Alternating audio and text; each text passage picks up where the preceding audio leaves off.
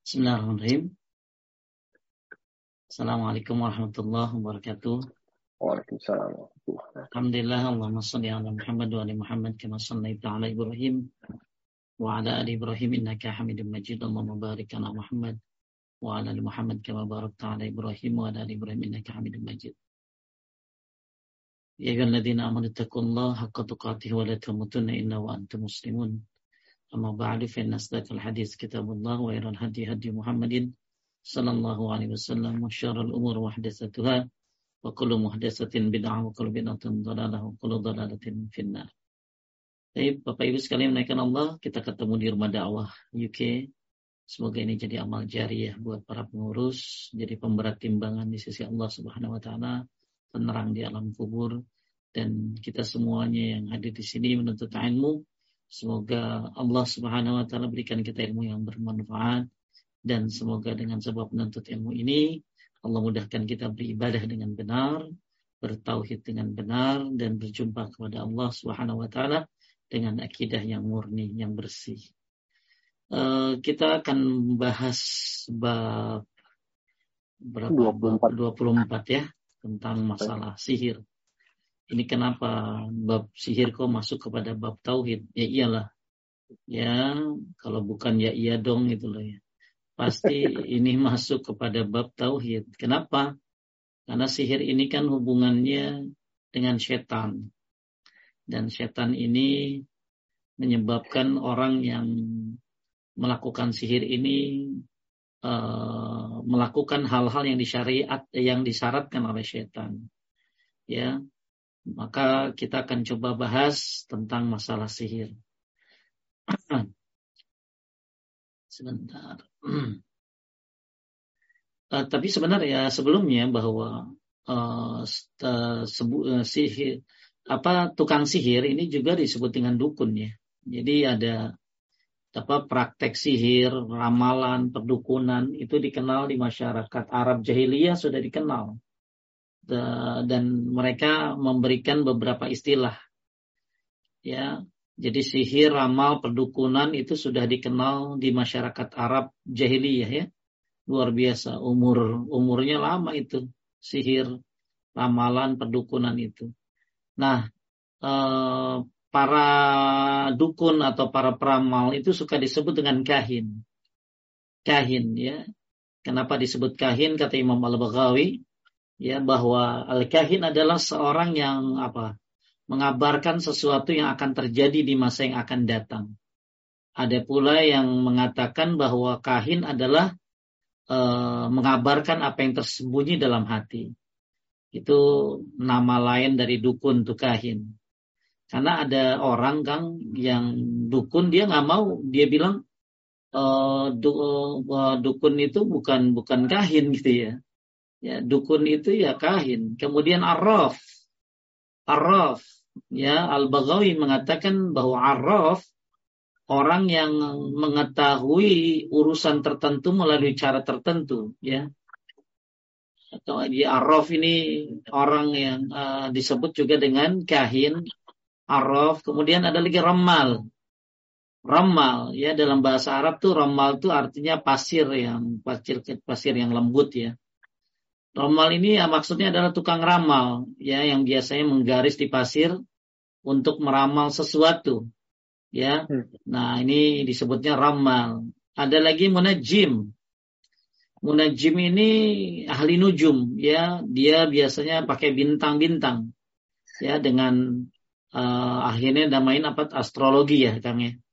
Astrologi. Ya, astrologi ya. Nah, biasanya untuk meramal nasib itu. Ya, itu nama lainnya banyak ya. Kemudian baru deh sahir. Sahir, sahir ini tukang sihir. Ya, sahir tukang sihir dan kata kata syekh apa?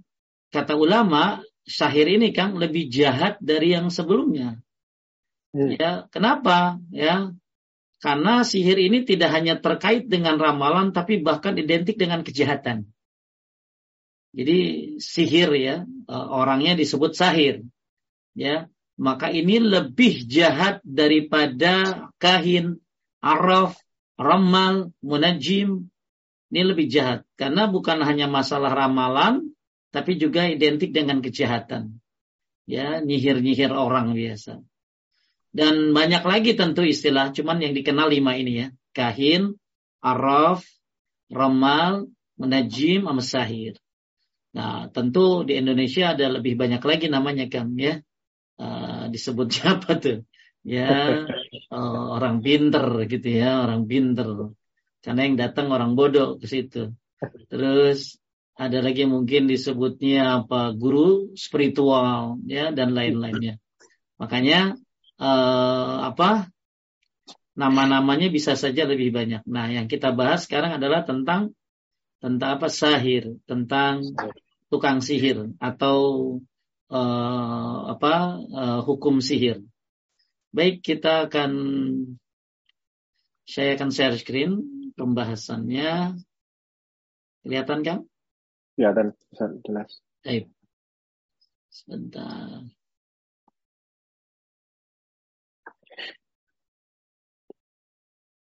Boleh minta tolong bacakan. Hukum sihir. Jelas mungkin ya? Ya, kelihatan jelas. ya, mantap. Uh, menurut bahasa atau adalah etimologi, sihir yaitu sesuatu yang halus dan tersembunyi. Sedangkan sihir, menurut istilah syar'i, atau terminologi sebagaimana disebutkan oleh Abu Muhammad Abdullah bin Ahmad bin Muhammad bin Qudamah al-Maqdisi rahimahullah yang wafat tahun 620 Hijriah, Beliau menjelaskan sihir adalah jimat-jimat, jampi-jampi, mantra-mantra, buhul-buhul yang ia dapat berpengaruh pada hati, akal, dan juga badan. Nah ini, jadi ada orang bilang kalau sihir itu nggak nyata kan. Hmm. Ya, padahal yang benar sihir itu nyata. Nah biasanya, jadi kata Muhammad Abdullah bin Ahmad bin Muhammad bin Qudam al-Maqdisi rahimahullah, beliau menjelaskan sihir adalah jimat-jimat. Nah biasanya sihir-sihir ini ya pakai jimat-jimat ya. Kemudian uh, jampi-jampi ya rapalan apa rapalan rapalan rapalan apa sih mantra. Mantra. Kemudian mantra-mantra buhul-buhul. Nah, ini biasanya buhul ini apa sih eh, tali-tali yang di apa yang di uh, boneka yang ditiup ya. Oh. Uh, ya, yang dapat berpengaruh pada hati, ya bisa berpengaruh pada hati ini. Jadi hmm. ada orang yang nggak percaya sihir, sihir itu ada ya, sihir itu ada ya, ya sihir itu ada dan salah satu eh, dan Nabi Shallallahu Alaihi Wasallam sendiri pernah kena sihir, ya tentunya Nabi bukan karena kurang ibadah kayak kita, bukan. Kalau Nabi kena sihir supaya menunjukkan kehebatan surat Falak dan Anas, ya Falak dan Anas. Dan dulu Nabi disihir oleh orang Yahudi, orang Yahudi. Nah, itu bisa dilihat di tafsir surat An-Nas dalam tafsir Ibnu Katsir tentang bagaimana Abdullah bin Ubay bin Salul kalau nggak salah yang nyihir Nabi itu. Taib. Jadi sihir ini pakai media-media. Ini zaman dulu kan. Zaman sekarang hmm. medianya lebih lebih gawat. Contohnya ya celana dalam, Yes. Tuh ya. Jadi kalau coba bawain celana dalam laki lu gitu loh. Ya, Mas. maksudnya pakai celana dalam ya. Atau pakai apa yang dipakai, pakai rambut. Kalau zaman-zaman dulu pakai jampi-jampi, mantra-mantra, buhul-buhul. Tapi hmm. kalau zaman sekarang mereka lebih variatif. Jadi apa ya? Eh, dukun kan dulu tukang sihir tuh kayaknya pakai apa kang? Baju hitam, ya, ya. topinya lancip eh, terus bawa sapu apa tuh? Ya nah, itu mah tukang nyapu kali ya bawa sapu itu loh ya bawa sapu. Ya tukang sihir tuh sekarang tukang sihir ya udah keren ya. Bayarnya bisa bisa pakai ATM ya bisa pakai debit lebih keren. Sekarang mereka tentunya menyen, apa lebih lebih lebih menipu lagi tentunya. Tapi jadi sihir ini dapat berpengaruh pada hati, akal, dan juga badan. Maka dapat dikatakan bahwa sihir itu dapat menyakiti, juga dapat membunuh, dapat membunuh ya kan? Bismillah tentunya. Semua ya. dengan izin Allah Subhanahu wa taala. Kemudian memisahkan suami dengan istrinya yang disebut dengan apa? Pelet. Ya, ya disebut dengan pelet ini. Nah, ini saya kasus begini banyak nih orang. Ya, suami istri pisah kemudian membuat saling benci, ya, atau hmm. membuat dua orang saling mencintai. Ya, nah ini uh, pembahasan yang lumayan komplit dari uh, Ibnu Qudamah al-Maqdisi tentang hmm. sihir, ya. Jadi inilah sihir yang ternyata efeknya itu nyata, baik bagi hati, akal ataupun badan. Ya, jadi kalau ada yang berpendapat sihir itu tidak nyata, tapi kebanyakan ulama seperti Imam Al-Qurtubi mengatakan ya sihir itu nyata ya, sihir itu nyata. Bahkan tadi dapat menyakiti, dapat membunuh, misahin suami istri, ya buat orang saling benci, buat dan buat dua orang saling mencintai. Lanjutkan. Adapun alasan Uh, ada pun alasan dimasukkannya sihir di dalam bab-bab uh, kitab tauhid ini adalah karena sihir itu banyak jenisnya yang dipraktekkan dengan uh, atau melalui kesyirikan dan bertawasul dengan syaitan-syaitan agar bisa menyampaikan keinginan si tukang sihir. Taib, ya sampai-sampai keinginan-keinginannya itu lucu kan? Nggak boleh mandi tapi nggak boleh kena air palanya. Oh. Ya, ya. Kemudian uh, ada lagi yang lebih ekstrim nauzubillah sampai disuruh nginjek Quran kan ya hmm. suruh nginjek Quran nauzubillah jadi syarat-syaratnya suka aneh-aneh gitu ya suka aneh-aneh jadi kenapa sihir ini masuk kepada bab kitab tauhid karena ini membuat orang jadi syirik minta pertolongan kepada setan dan ini membuat uh, orang bertawasul dengan jin-jin setan-setan dan ini membuat menuruti kemauan mereka. Ya. Taib, maka tauhid eh, maka tauhid seorang hamba itu tidak akan sempurna sebelum dia meninggalkan semua jenis sihir, sedikit ataupun banyak. Oleh karena itulah syariat menggandingkan antara sihir dengan kesyirikan, sebagaimana nanti akan disebutkan dalam hadis. Taib, ya. Jadi kan kita lagi lagi level 24 nih Kang ya.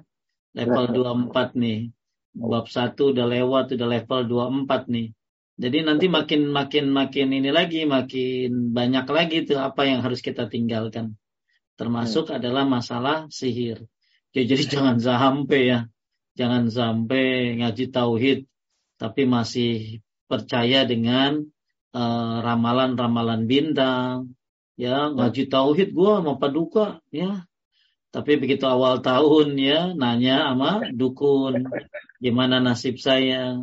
Uh, saya kirain ya Gang ya, saya kirain yang jilbabnya panjang syari itu bahkan bercadar, kirain udah benar-benar gitu tauhidnya. Ternyata masih ada aja yang hanya sekedar penampilan saja. Okay. Ya, ya. Jadi harusnya penampilan kan mendukung ya, mendukung ilmunya. Tapi ternyata belum juga ya, ya hmm. belum juga. Ya mungkin dia ngaji tauhid tapi belum belum sampai jauh.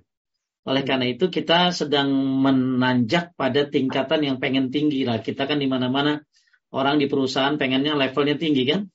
Betul. Pengen jadi ini, jadi itu. Pokoknya pengen jadi yang the best lah di sebuah perusahaan atau dalam kehidupan. Nah sama dalam tauhid juga kita ini harus bisa lebih lebih apa sih lebih lebih hebat tauhidnya gitu loh. Karena makin bagus tauhid kita, makin banyak ampunannya. Makin bagus tauhid kita, makin berhak dapat syafaat. Makin bagus tauhid kita, ya maka makin banyak petunjuk dan keamanan. Oleh karena itu penulis ya berharap tauhid kita ya tambah sempurna Nah, salah satu cara menyempurnakan tauhid adalah dengan meninggalkan semua jenis sihir. Oleh karena itu syariat menggandengkan antara sihir dengan kesyirikan. Nah, kenapa sihir itu bisa dikategorikan syirik? Nah, ini jawabannya. Termasuk daripada pendapat Syekh Nasir Sa'adi. Lanjut sihir. Uh, sihir termasuk dalam kesyirikan karena dilihat uh, dari dua segi berikut. Yang pertama, di dalam sihir itu terdapat permintaan tolong kepada syaitan-syaitan dan ketergantungan kepada mereka. Dan terkadang ia orang yang menggunakan sihir bertakar bertakarub mendekatkan diri kepada syaitan-syaitan dengan apa yang mereka sukai agar nantinya mereka mau membantunya dan memenuhi keinginannya. Ya minimal kopi pahit, kopi manis itu kan. Ya oh, iya. pahit, kopi manis. Jadi uh, kenapa sihir ini syirik? Ya karena biasanya mereka minta tolong kepada setan-setan. Kemudian mereka bertakarub, mendekatkan diri kepada setan-setan. Bahkan mereka mengabulkan semua permintaan yang diminta oleh setan-setan itu demi terkabulnya permintaan seseorang. Misalnya tolong cariin ayam hitam, ya matanya hitam, semuanya hitam gitu loh. Tolong cari ini. Nah itu kadang-kadang uh, mereka mengabulkan mencari itu, ya mencari itu. Inilah kenapa syirik masuk dari segi kesyirikan karena dua hal. Ini hal yang pertama. Yang kedua, lanjut di dalam. Yang kedua, di dalam sihir terdapat pengakuan mengetahui ilmu gaib seperti mengetahui hal-hal yang akan terjadi. Dan pengakuan menjadi sekutu bagi Allah dalam ilmunya, serta menempuh cara-cara yang dapat mengantarkan kepada hal tersebut. Ini termasuk dalam cabang-cabang kesyirikan dan kekufuran. Baik, saya ulangi. Tadi saya sudah sebutkan, sihir lebih berbahaya daripada munajim. Sihir lebih berputar, berbahaya daripada romal. Lebih berbahaya daripada arraf. Lebih berbahaya dari kahin. Karena sihir ini identik dengan kejahatan ya Kang ya. Ya, sihir itu identik dengan dengan kejahatan. Ya, tapi bukan hanya masalah yang so tahu yang goib aja dia itu, bukan hanya masalah ngeramal aja, tapi melakukan kejahatan-kejahatan sebagaimana tadi yang disebutkan oleh Ibnu Qudamah bisa membunuh, memisahkan suami istri, ya dan lain-lain. Nah, pernah ada cerita tuh Kang. Ada seorang ikhwan udah hijrah, udah taubat. Dulu dia dapetin calonnya pakai pelet. Oh. udah 20 oh. tahun gimana tuh Pak Ustaz? Ya udah, sekarang udah punya anak ya, udah tobat ya udah. dia dapetin jadi dulu mendekati calonnya itu ya pakai pakai sihir gitu ya. Kemudian ya. dia udah sadar kalau kalau ternyata itu salah ya. Tapi udah lama gitu kejadiannya gimana Pak Ustaz? Ya udah kan udah kawin loh gitu ya. Ya udah terusin yang penting udah tobat asal bini lu jangan kasih tahu gitu loh ya oh. dulu sebenarnya saya dapetin kamu udah pakai pelet gitu ya nah ini uh, ya sudah jadi rahasia dia aja yang penting dia bertobat kepada Allah Subhanahu wa taala. Hmm. Baik, kita masuk kepada ayat yang pertama surat Al-Baqarah ayat 102 walaqad alimu laman ishtarahu ma lahu fil akhirati min khalaq. Dan sungguh mereka sudah tahu barang siapa membeli atau maksudnya adalah menggunakan sihir niscaya tidak akan mendapatkan keuntungan di akhirat. Hmm. Ini cara supaya orang rugi di akhirat. Makanya gini lah, setan itu kan cara-caranya banyak. Supaya kita rugi di akhirat itu dia ngerjain apa aja. Di antaranya sholat. Sholat kan amal yang terbaik tuh. Maka kita hmm. diganggu sholat itu. Makanya khusyuk itu suatu perkara yang luar biasa beratnya. Karena setan berusaha untuk supaya manusia tidak meraih ya meraih keutamaan sholat.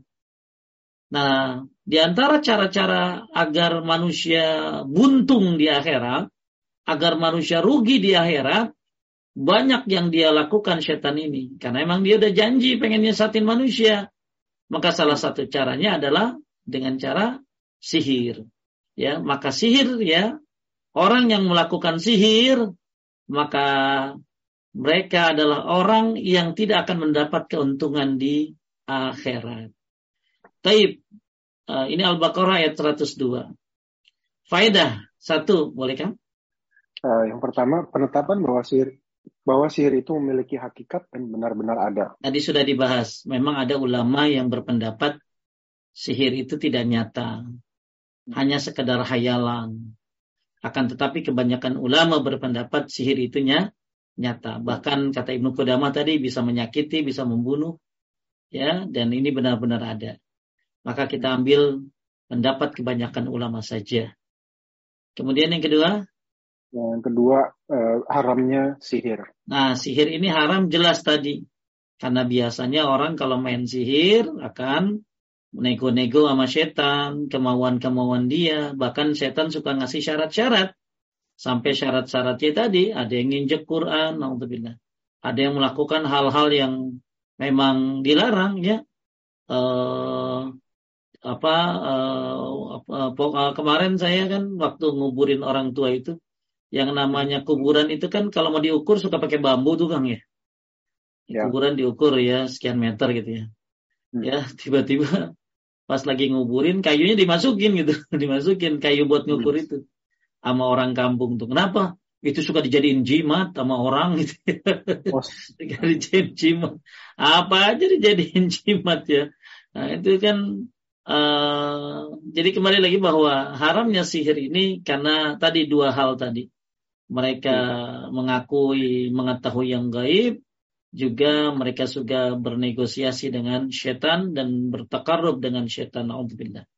Maka ini hukumnya haram. Kemudian kafirnya tukang sihir, ya orang tukang sihir itu kafir ya. Tukang sihir itu kafir, maka nggak nggak ragu-ragu ya bagaimana hukum uh, uh, bagaimana kafirnya orang tukang tukang sihir. Bahkan disebutkan uh, di sini disebutkan uh, apa hukumannya kalau bentar.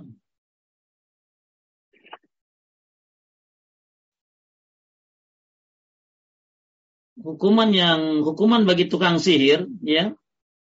Ini Umar bin Khattab radhiyallahu an pernah suatu ketika di akhir khalifahan beliau mengirimkan surat kepada para gubernur sebagaimana yang dikatakan oleh al oleh Bajalah bin Abadah radhiyallahu an Umar bin Khattab menulis surat hendaklah kalian maksudnya para gubernur membunuh para tukang sihir baik laki-laki ataupun perempuan. Jadi yang yang yang melakukannya oleh amri ya Kang ya. Yang melakukannya oleh oleh amri. Jangan kita ya.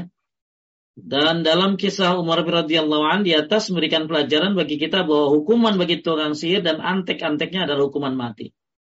Terlebih lagi terdapat sebuah riwayat, meskipun riwayat tersebut dipersisikan oleh para ulama tentang status kesahihannya, Rasulullah SAW bersabda, hukuman bagi tukang sihir adalah dipenggal dengan pedang. Ini luar biasa, Islam tegas dalam masalah sihir ini. Baik, kembali lagi kita mas uh, yang keempat ancaman keras bagi orang yang berpaling dari kitabullah dan menggantinya dengan selain itu. Ini uh, apa? Ada orang kan yang mengobati sihir dengan sihir. Mengobati sihir dengan sihir. Nah ini nggak boleh. Namanya nusrah ya. Nusrah. Itu nggak boleh. Jadi kalau mengobatin sihir ya pakai Al-Quran dong. Ya. Hmm. Pakai Al-Quran, dan apa dan ada uh, doa-doa yang diajarkan oleh Rasulullah Shallallahu Alaihi Wasallam. Makanya uh, kalau kalau orang kena sihir ya ada terapi-terapinya tentunya. Gimana supaya kita apa apa bisa selamat dari sihir? Ada beberapa hal yang harus diperhatikan ketika kita pengen uh, selamat dari sihir ya. Ini maka pencegahannya yang diajarkan oleh Rasulullah Sallallahu Alaihi Wasallam singkat saja. Yang pertama dalam setiap keadaan senantiasa mentauhidkan Allah dan bertawakal kepadanya serta menjauhi perbuatan syirik dengan segala bentuknya. Ini yang pertama nih. Jadi hmm. kalau orang pengen selamat dari dari sihir, ya Nabi udah mengajarkan cara-caranya. Yang tentunya yang pertama adalah mentauhidkan Allah dan bertawakal kepadanya dan menjauhi perbuatan syirik ya sebagaimana surat An-Nahl ayat 99 sampai 100. Kemudian yang kedua melaksanakan setiap kewajiban yang Allah perintahkan. Jadi kayak ada orang kan uh, oh dikit-dikit rukyah, dikit-dikit rukyah. Nah, habis rukyah maintenance yang penting. Dia habis di rukyah kagak sholat gimana? Ya masuk lagi ya tuh.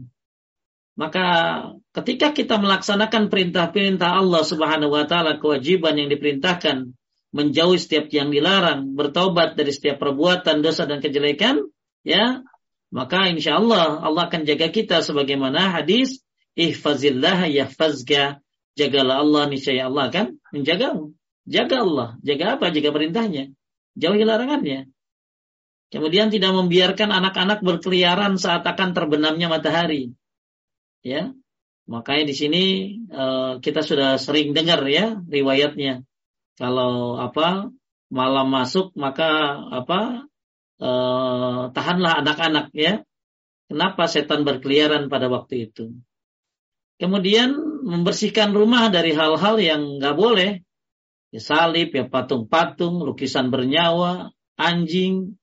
Maka ini dihindari hal-hal yang yang yang apa yang berbau seperti ini kalau pengen ya kita bersih dari sihir.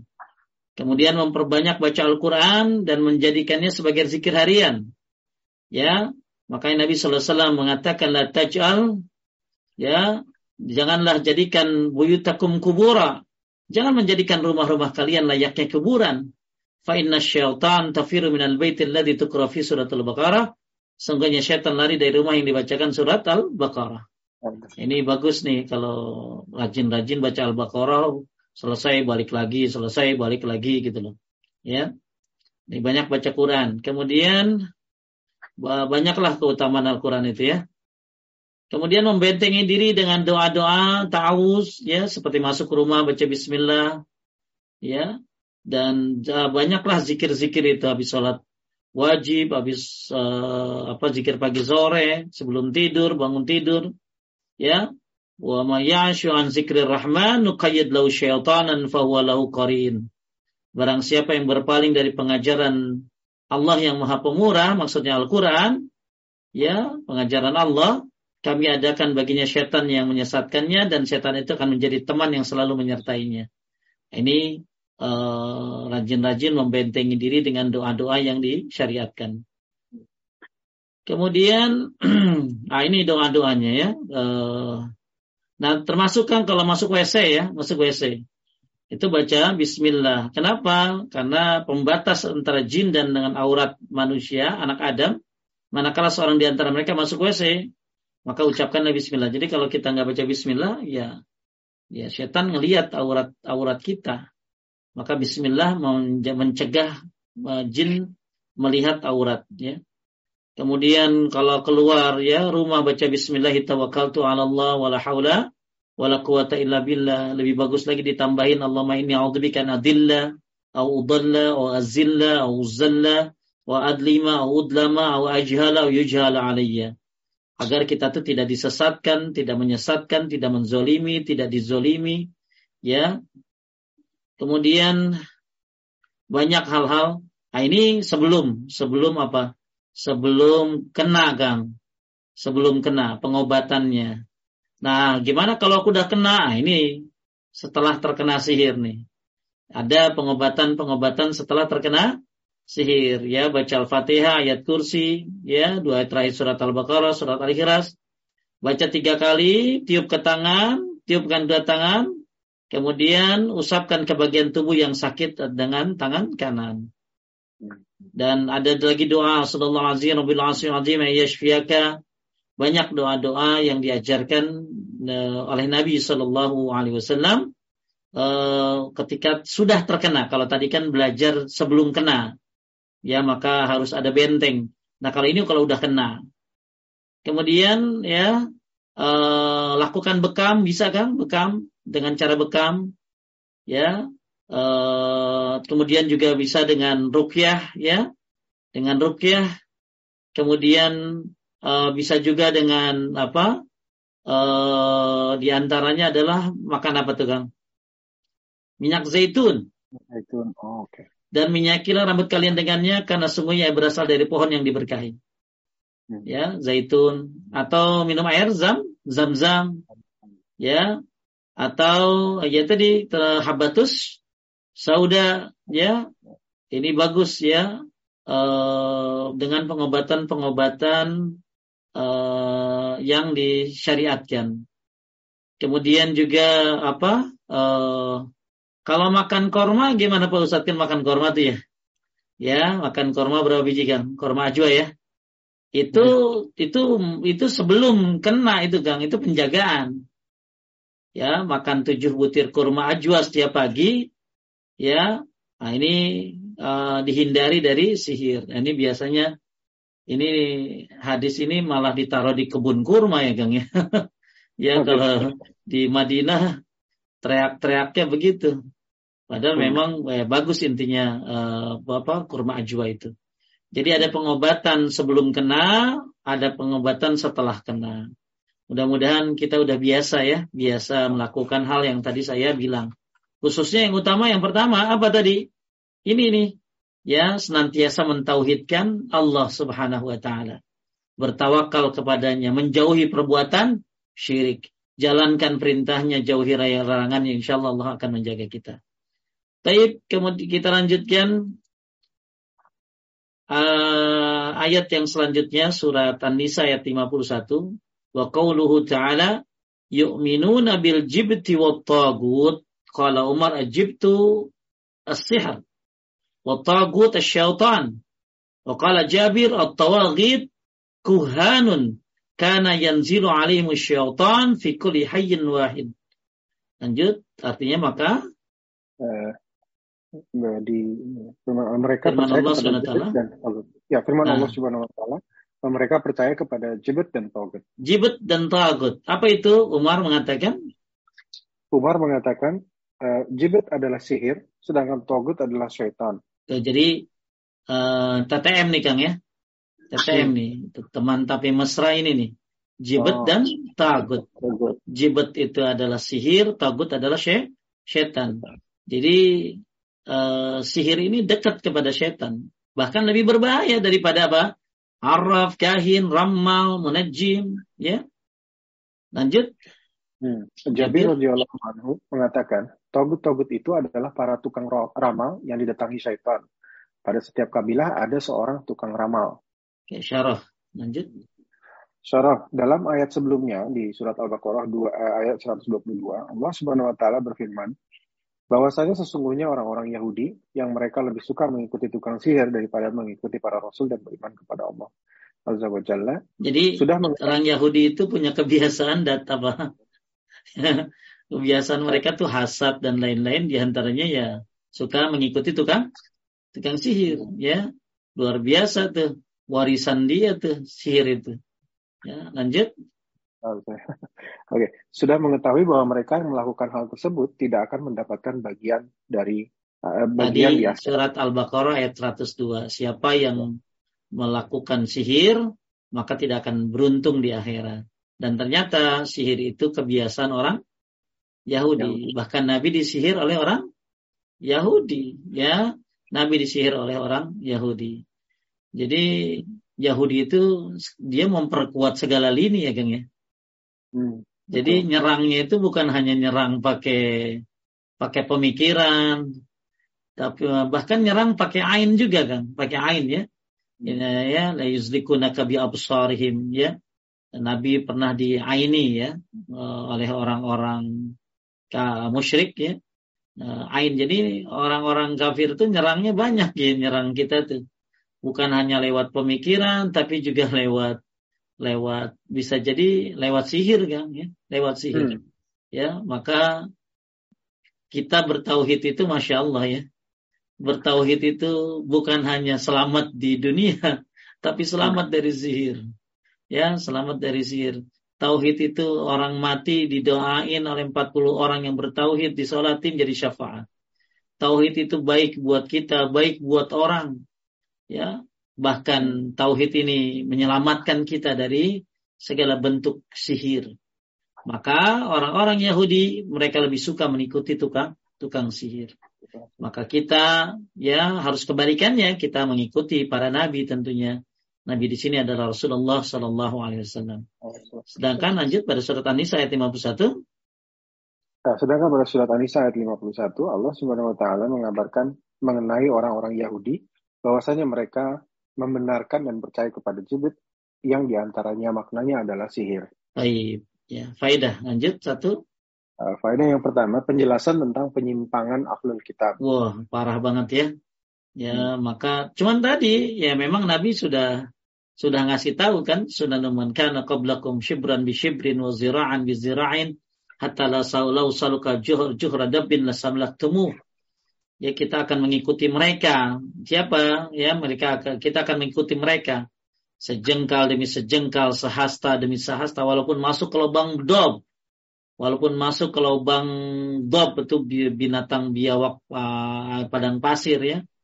kita akan ngikutin mereka. Siapa? Ya, apakah ya al-Yahud bin Nasr? Kata Nabi, faman, siapa lagi?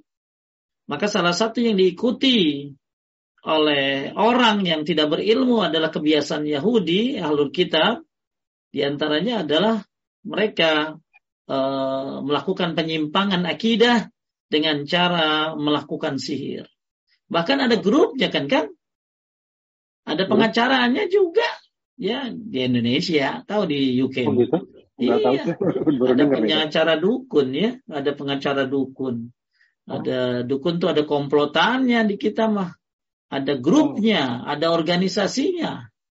Ya. Oh. Uh, apa tuh namanya? Saya kagak tahu deh tuh ya. Baru Grup nih, perdukunan kan? Indonesia itu. Terus uh, ada pengacaranya. Jadi mereka kalau bahkan mereka apa bilang uh, wah apa gara-gara dakwah tauhid sepi nih job gitu lah. Ya katanya bisa bikin kaya orang gitu ya. Ternyata sepi juga dia ya. Nah ini di Indonesia masih banyak sekali orang-orang yang apa yang yang percaya uh, kepada tukang-tukang sihir. Intinya sihir itu ada yang tidak boleh kita lakukan adalah percaya kepada tukang sihir dan mendatanginya dan meminta pertolongannya tapi percaya kepada sihir emang ada sihir itu gitu loh ya dan kita nggak usah nggak usah takut ada ada solusinya melawan sihir itu. Itu tadi yang sudah disebutkan tauhid, tinggalkan syirik, jalankan perintah-perintah Allah. Ya. Hmm. Taib. Jadi penjelasan penyimpangan ahlul kitab ini banyak sekali penyimpangan mereka. Salah satunya mereka suka mengikuti tukang-tukang sihir. Sihir. Kemudian yang kedua, keberadaan sihir di kalangan ahlul kitab. Makanya Nabi disihir sama mereka, ahlul kitab. ya. Kemudian eh, kebiasaan orang-orang jahiliyah adalah berhukum kepada para dukun dan bertanya kepada mereka tentang perkara-perkara gaib. Ya, ini kebiasaan orang jahiliyah. Ya, maka siapa yang suka datang ke dukun itu itu orang jahiliyah itu gitu loh. Hmm. Ya, Woi, dari mana lu? Gua habis dari Kianu. Wah, wah dasar jahiliyah lu benar ya. ya. Orang jahiliyah itu masih ada ya. Orang jahiliyah kan orang jahiliyah itu bukan hanya masa dulu masa dulu gitu, tapi perbuatan mereka di masa dulu ditransfer ke kita. Hmm. Maka kita harus tahu perkara-perkara jahiliyah. Hmm. Maka ada kitab tentang masail jahiliyah. Perkara-perkara jahiliyah itu apa? Ya, kalau kita nggak tahu perkara-perkara jahiliyah yang dilakukan pada zaman-zaman dulu, zaman-zaman jahiliyah, ya, maka kita takut masuk ke dalam perbuatan-perbuatan mereka. Maka ada kitab khusus yang menerangkan tentang perkara-perkara jahiliyah. Jadi orang jahiliyah ini suka berhukum kepada dukun, ya, dan mereka suka bertanya perkara-perkara gaib kepada dukun tersebut. Kemudian yang keempat yang uh, sihir termasuk syirik yang dapat menafikan atau menghilangkan tauhid. Karena sihir merupakan permintaan, bantuan kepada syaitan dan bergantung kepada mereka. Baik, ya. Segitu saking pentingnya Nabi memasukkan sihir ini ke dalam tujuh dosa besar kan. Hmm. Diriwayatkan dari Abu Hurairah radhiyallahu an bahwa Rasulullah Shallallahu alaihi wasallam bersabda, "Ijtanibus sab'al mubiqat Qalu ya Rasulullah wa mahunna. Qalu asyirku billah. Jauhi oleh kalian tujuh yang membinasakan. Apa itu ya Rasulullah? Qala asyirku billah. Syirik kepada Allah. Ya. Yang kedua apa? Tukang wasihir. Hmm. Ya, jadi nomor satu syirik, nomor dua apa? Sihir. Kemudian waqatlun nafsil lati haram Allah illa bil Membunuh jiwa yang diharamkan Allah kecuali dengan sebab yang dibenarkan oleh agama. Wa riba. Ya. Di sini makan riba. Ini termasuk dosa besar. Wa hmm. aklu malil yatim. Makan harta anak yatim. Wa tawali yaumaz zahaf. Apa itu? Ya. Uh, ketika apa sih namanya lari dari peperangan dari medan perang lari dari medan perang wa qazbul muhsanatil ghafilatil mu'minat nah ini termasuk nih hati-hati melontarkan tuduhan zina terhadap wanita-wanita mu'minah yang terjaga dari perbuatan dosa dan tidak tahu menahu tentangnya. nuduh orang zina, nggak boleh. Ya, apalagi yang dituduh itu adalah orang yang memang uh, uh, apa, emang orang solehah, orang hmm. yang uh, terpikirkan zina pun tidak. Maka hati-hati. Nah, makanya orang soleh tuh sampai dibelain, Kang ya. Orang soleh tuh luar biasa ya. Sampai dibelain. Dibelain apa? Hati-hati. Nuduh wanita solehah. Yang ternyata wanita solehah ini ya dituduh berbuat zina ini termasuk dosa besar. Allah sangat menghargai kesolehan seseorang sampai-sampai dibela kalau menuduh orang yang uh, apa yang solehah berzina ini termasuk dosa besar. Nah di hadis ini ada tujuh maka dimasuk dalamnya adalah si sihir ya sihir. Kita lihat syarahnya lanjut. Ya Rasulullah Shallallahu Alaihi Wasallam memerintahkan kepada umatnya agar menjauhi tujuh perkara mungkar yang membinasakan. Ketika ditanyakan tentang tujuh perkara tersebut, beliau menjelaskan bahwa ketujuh perkara itu adalah yang pertama kesyirikan kepada Allah dengan menjadikan tandingan-tandingan bagi Allah dalam bentuk apa pun.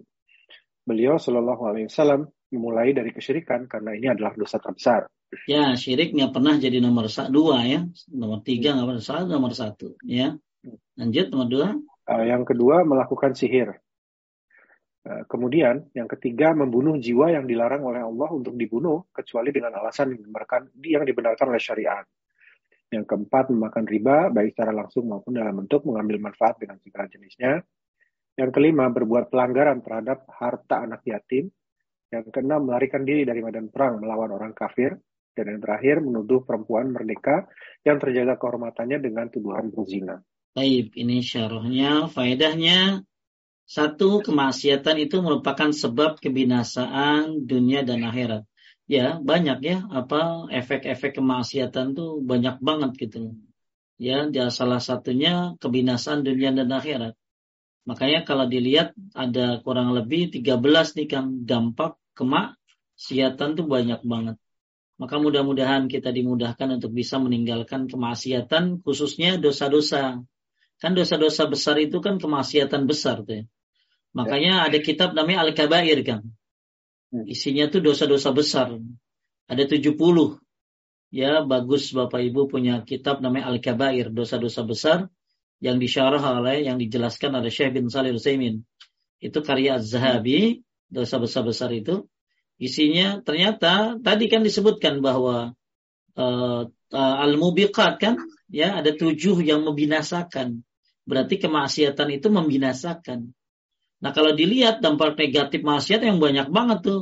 Bahkan terhindar dari ilmu. Terhindar dari ilmu. Mungkin dia hafal Kang, nanti juga lupa. Hmm. Ya, terhindar dari ilmu. Karena ilmu itu cahaya, ya. Sedangkan maksiat mematikannya. Hmm. Kemudian kerisauan yang dirasakan orang yang maksiat dalam hatinya sehingga tidak didapati rasa ketenangan sama sekali. Orang maksiat ya pasti secara fitrahnya dia akan gelisah risau, ya urusannya jadi rumit, ya gelap dalam hatinya, maksiat mengubahkan kata ulama, maksiatan mengurangi umur dan menghilangkan keberkahan untuk selamanya. Hmm. Ya, maksiat menimbulkan maksiat yang ini biasanya habis maksiat ya maksiat lain. Ya. Uh, dan lain-lain banyak sekali ya sampai-sampai menyebabkan Allah lupa pada hambanya ini suatu kebinasaan ya Janganlah kamu seperti orang yang lupa kepada Allah. Lalu Allah menjadikan mereka lupa kepada mereka sendiri, diri mereka sendiri. Mereka adalah orang-orang yang fasik. Ya, semoga Allah mudahkan kita bisa meninggalkan kemaksiatan-kemaksiatan, apalagi kemaksiatan yang bersifat besar tadi seperti ya siapa tadi yang tujuh sebelum mubiqat. Ya, itu kan kemaksiatan semuanya tuh. Yang paling besar ya syirik tentunya. Kemudian nomor dua, haramnya syirik dan syirik merupakan dosa besar yang paling besar akbarul kabair dosa besar yang paling besar. Kemudian haramnya mempelajari mempraktikkan atau mengajarkan ilmu sihir. Ya nomor empat lanjut. Uh, yang keempat haramnya membunuh jiwa Allah. Uh, jiwa yang Allah azza wajalla haramkan baik jiwa muslim yang terjaga maupun ke orang kafir yang ada perjanjian. Kecuali dengan sebab yang dibenarkan oleh agama. Ya ada sebab yang dibenarkan oleh agama ya. Kemudian lima? Yang kelima, haramnya mempraktikkan riba dan menggunakan hasilnya baik untuk makan maupun untuk yang lain. Enam. Uh, yang keenam, haramnya berbuat aniaya terhadap harta anak yatim. Hmm. Ini hampir haram, sama ya kan dengan ya. ininya, hampir sama dengan apa poin-poinnya, fawaidahnya. Ya. Intinya uh, hampir sama lah gampang ya. Uh, menuduh orang kafir tidak ter... haram melontarkan tuduhan zina tadi menuduh orang kafir tidak termasuk dosa besar. Tapi kemudian nah ini tadi kita masuk kepada uh, pembahasan yang terakhir tentang hukumannya. Nanti baru kita bahas tentang tanda-tanda. Tanda-tanda, misalnya gini, akan pergi ke seseorang. Lalu ya. dia bilang begini, nah ini ada tanda-tanda kalau dia tukang sihir itu ada tanda-tandanya. Ya, kalau orang yang katanya suka sujud kan kesuka ada tandanya ya katanya ya bisa jadi sih bukan uh, tapi tukang sihir juga ada tanda-tandanya Taib hmm. ini tadi sudah sedikit saya bahas tentang ini, tapi kita baca lagi dari Jundub, Jundub radhiyallahu anhu secara marfu, hukuman begitu sihir ada penggal lehernya dengan pedang. Tadi sudah kita bahas ya. Diriwayatkan oleh Tirmizi beliau mengatakan yang benar hadis ini mauquf. Mauquf ini berarti uh, apa? sampai kepada sahabat. Di dalam kitab Sahih Bukhari dari baca ini tadi sudah dibaca ya kata Umar bin Khattab bunuhlah tukang sihir baik laki-laki maupun perempuan. Maka kata Bajalah melanjutkan, maka kami pun laksanakan hukuman mati terhadap tiga tukang sihir perempuan. Nah, ya tukang perempuan ternyata jadi tukang sihir kan itu, ya uh, di surat Al-Falaq itu kan, ya, kalau uh, bil falak min syarri ma min syarri ghasikin idza waqa min nafasa tifil ya min hasidin idza hasad. Itu kan wanita-wanita yang meniup pada buhul kan. Maka ternyata wanita-wanita ini juga uh, ada yang jadi tukang-tukang sihir ya. Kemudian diriwayatkan dengan sahih bahwa Hafsah telah merintahkan agar seorang budak perempuan miliknya yang telah menyihirnya dihukum mati itu. Ya, siapa Hafsah ini kan? Hafsah siapa? Hafsah itu istrinya, ya. Istrinya Umar bin Umar. Ya, anaknya Umar bin Khattab, istrinya siapa? Rasulullah Sallallahu Alaihi Wasallam. Ya berarti dia umul mu'minin. Ya Hafsah. Ya Hafsah ini wanita yang soleha, yang rajin qiyamul lail. Dan dia anaknya Umar bin Khattab radhiyallahu an yang dinikahkan oleh Nabi Sallallahu Alaihi Wasallam. Ya, nah, dia pernah memerintahkan agar seorang budak perempuan miliknya yang telah menyihirnya dihukum mati. Hmm. Maka dilaksanakan hukum mati tersebut terhadap budak perempuan itu. Kemudian Ahmad berkata diwayatkan dalam asar-asar sahih bahwa hukuman mati terhadap tukang sihir telah dilakukan oleh tiga orang sahabat Nabi. Inilah uh, apa uh, tentang bagaimana kerasnya kerasnya agama ini dalam mem, apa, me, apa me, menghukum tukang sihir. Ini fawaidnya hampir sama Faedahnya penjelasan mengenai hukuman terhadap tukang sihir bahwa mereka dibunuh tanpa diminta untuk bertobat terlebih dahulu. Dibunuh tanpa diminta untuk bertobat terlebih dahulu. Kemudian adanya orang yang berbuat sihir di kalangan kaum muslimin pada zaman. Nah ini kan ini ini ini kan adanya orang yang berbuat sihir di kalangan kaum muslimin pada zaman atau masa Khalifah Umar bin Khattab. Maka bagaimana zaman sesudah itu? Jadi zaman Umar bin Khattab ada orang Islam yang yang apa? Yang melakukan uh, yang berbuat sihir gitu loh. Itu di zaman Umar, segitu tegasnya hukum, Kang. Ya, di zaman Umar segitu tegasnya orang yang tadi kan kita baca di sini bahwa di zaman Umar bin Khattab ya tukang sihir itu dipenggal lehernya pakai pedang. Ya. Hmm. Kemudian itu kan keras banget ya, luar biasa tuh hukumannya. Ya, sekarang di kalau di zaman Umar saja ada yang melakukannya, ya gimana di zaman sekarang? Kalau di zaman Umar saja sudah sudah berani mereka melakukannya. Hmm. Tapi Bapak Ibu sekalian menaikkan Allah, selesai uh, bab 24 ini ya, insya Allah kita sudah tahu garis besarnya kenapa kita belajar masalah sihir ini Tujuannya adalah menyempurnakan tauhid kita.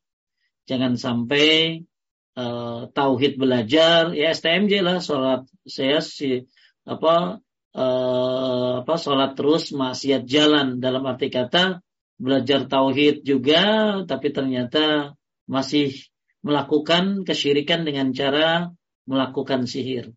Maka kenapa sihir masuk dalam bab tauhid? Karena ternyata ini hubungannya dengan kesyirikan karena dia akan berkomplot dengan setan. Nah, apa sih tanda-tanda tukang sihir ya, tanda dukun atau sihir? Sebenarnya banyak sekali tanda-tandanya ya. Uh, ini yang panjang nih ya. Boleh nanti di share ya. ya. Nah, ini di share nih tanda dukun ini ada uh, apa? Ini dari dari di ada apa? Tanda-tandanya ya. Hmm. Ini uh, apa sih tanda-tandanya? Ya intinya tanda-tandanya kita lihat di sini prolog semuanya ya. Beberapa tanda tukang sihir dan dukun. Boleh Kang? Uh, bertanya kepada orang yang sakit tentang namanya dan nama ibunya. Iya, jadi Bukan suka, melamar ini. namanya namanya kadang-kadang suka nama pengen nama ibunya. Ya, oh. uh, ya kan suka ditanya kan, ya, ya. bin siapa gitu loh, ya. Ya, ya. ya ini nggak nggak usah kayak gitu tuh. Jadi hati-hati, ini ini penjagaan ya, beberapa tanda tukang sihir dan dukun yang ini dikumpulkan oleh ininya Kang apa? Jadi kayak di Arab itu ada apa sih kayak kayak ada bagian ya untuk ini, ini saya lihat ini apa nah ini dia nih ya uh, Islamic Cultural Center ya ICC hmm. Damam ya divisi Indonesia hmm. ini disusun oleh kepala urusan Amr bil Ma'ruf Nahi Anil Munkar jadi ini divisi urusan penegakan kebaikan dan pencegahan kemurkaran di kota Riyadh pusat kota Al Faruq Al Faisaliyah kerajaan Arab Saudi Nah ini di antaranya banyak sekali hal-hal yang yang yang bisa kita tahu. Pertama, ya suka nanya nama dan nama ibu ya kayak kayak hmm. bang aja kan. kayak bang aja ya. Ya. ya. Kemudian suka apa nih oleh Kang? Minta hewan? Ya, meminta hewan untuk disembelih dengan cara tertentu tanpa menyebut nama Allah dan kadang melumurkan darahnya pada tempat yang sakit, pada diri orang yang sakit, atau menyuruhnya untuk melemparkan sembelihan tersebut ke tempat yang sudah tak berpenghuni lagi atau ke sebuah batu atau pohon-pohon tertentu. Nah, ini jadi ini tanda ini apa tanda tukang sihir dan dukun maksudnya mereka biasanya nyuruh-nyuruh kayak begini nih ya. Terus baca jampi-jampi raja-raja komat kamit dengan ucapan yang tidak bisa dipahami. Makanya beda sama rukyah. Kalau rukyah itu bacanya kencang. Ya, kalau itu jang jauhkan kan bacanya gitu-gitu ya. Ya, gitu. Kemudian lanjut meminta sesuatu yang aneh yang bertujuan agar tidak bisa dipenuhi seperti 11 ekor tikus yang ditangkap pada saat orang tidur siang atau tikus yang yatim atau kerabuta. Tikus yatim, tikus yatim gimana bedanya ya tikus yatim ya? ya terus. Tanya dulu kali. Jika orang yang sakit tersebut tidak dapat memenuhinya, dia meminta uang yang banyak dan mengesankan kepada orang sakit tersebut bahwa uang ini adalah nilai persembahan untuk raja jin yang diminta mendatangkan permintaan tersebut. Atau uang bisa... itu kan biasanya buat nanti ya saya yang cariin gitu. ya. Uh, kalau kalau ya. bisa ya cari tikus ya sebelas ya kalau bisa dapatnya siang-siang gitu. ya. Kalau bisa tikusnya yatim ya, yatim ya. Gimana caranya? Terus cari kerabuta, aduh kerabuta, susah jadi kerabuta ya. Jadi ya, suatu hal yang gak mustahil lah. Tujuannya sih satu, biar saya yang nyariin gitu aja. Sehingga kan kalau kita yang nyariin kan susah nggak mau repot. Coba Jang Agus cari ya duit uh, seratusan yang tebal-tebal kan gitu ya. Zaman dulu kita kan suka ada seratus perak yang tebal-tebal tuh gang ya. Itu cuma cari, susah kan nyari kayak begitu. Nah, atau nyari ini ini pokoknya yang aneh-aneh. Kalau nggak bisa, ya udah kalau mau biar saya yang cariin ya, atau mau hmm. makan alam saya itu ujung-ujungnya si duit intinya. Ya. Uh, terus kemudian lanjut. Eh, kadang-kadang tukang sihir atau dukun itu menebak nama orang yang datang kepadanya, atau nama ibunya, atau negeri asalnya, atau permasalahan yang membuat dia datang, Hal ini termasuk bantuan setan kepada. Gampang, Kang. Ke, misalnya, hmm. Kang datang, Kang Rosid masuk, wish. Kok tahu nama saya ya? Oh, padahal Kang Rosid kan ngisi itu absen di depan. ya. Ada yang pakai walkie-talkie. Ya, ada yang pakai walkie-talkie. Ya kadang-kadang apa yang mau ditanyakan Kang Rosid dia sudah tahu walaupun Kang Rosid belum tanya karena dia kerjasama sama korinnya Kang Rosid. Ya. Kan Kang Rosid okay. ada korinnya sama, sama semua manusia ada korinnya. Nah korin ini yang jahat ini akan ditanya kan, ya hmm. ngapain dia tuh gitu loh, ya hmm. itu tuh ya masalah dakwah, masa masalah dakwah hanya ke gua, gitu ya.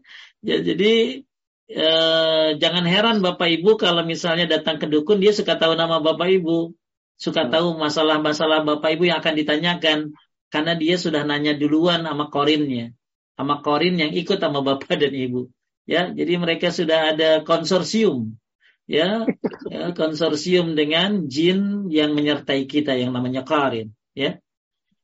Kemudian kan meminta barang bekas atau sisa seperti baju, pakaian dalam, sisir, kuku-kuku atau rambut maupun gambar. Nah, ya paling banyak foto.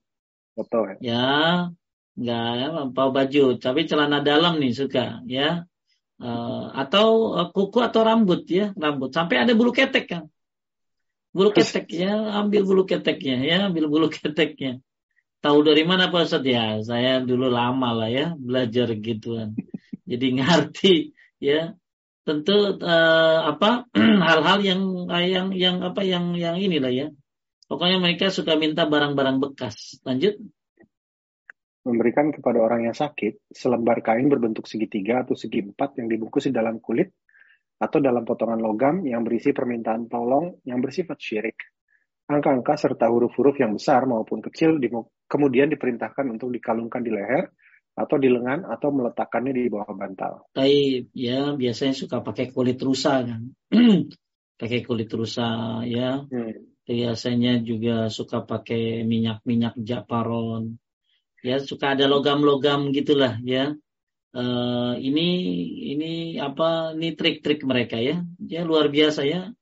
Uh, apa ulama itu neliti mereka sampai segini nih.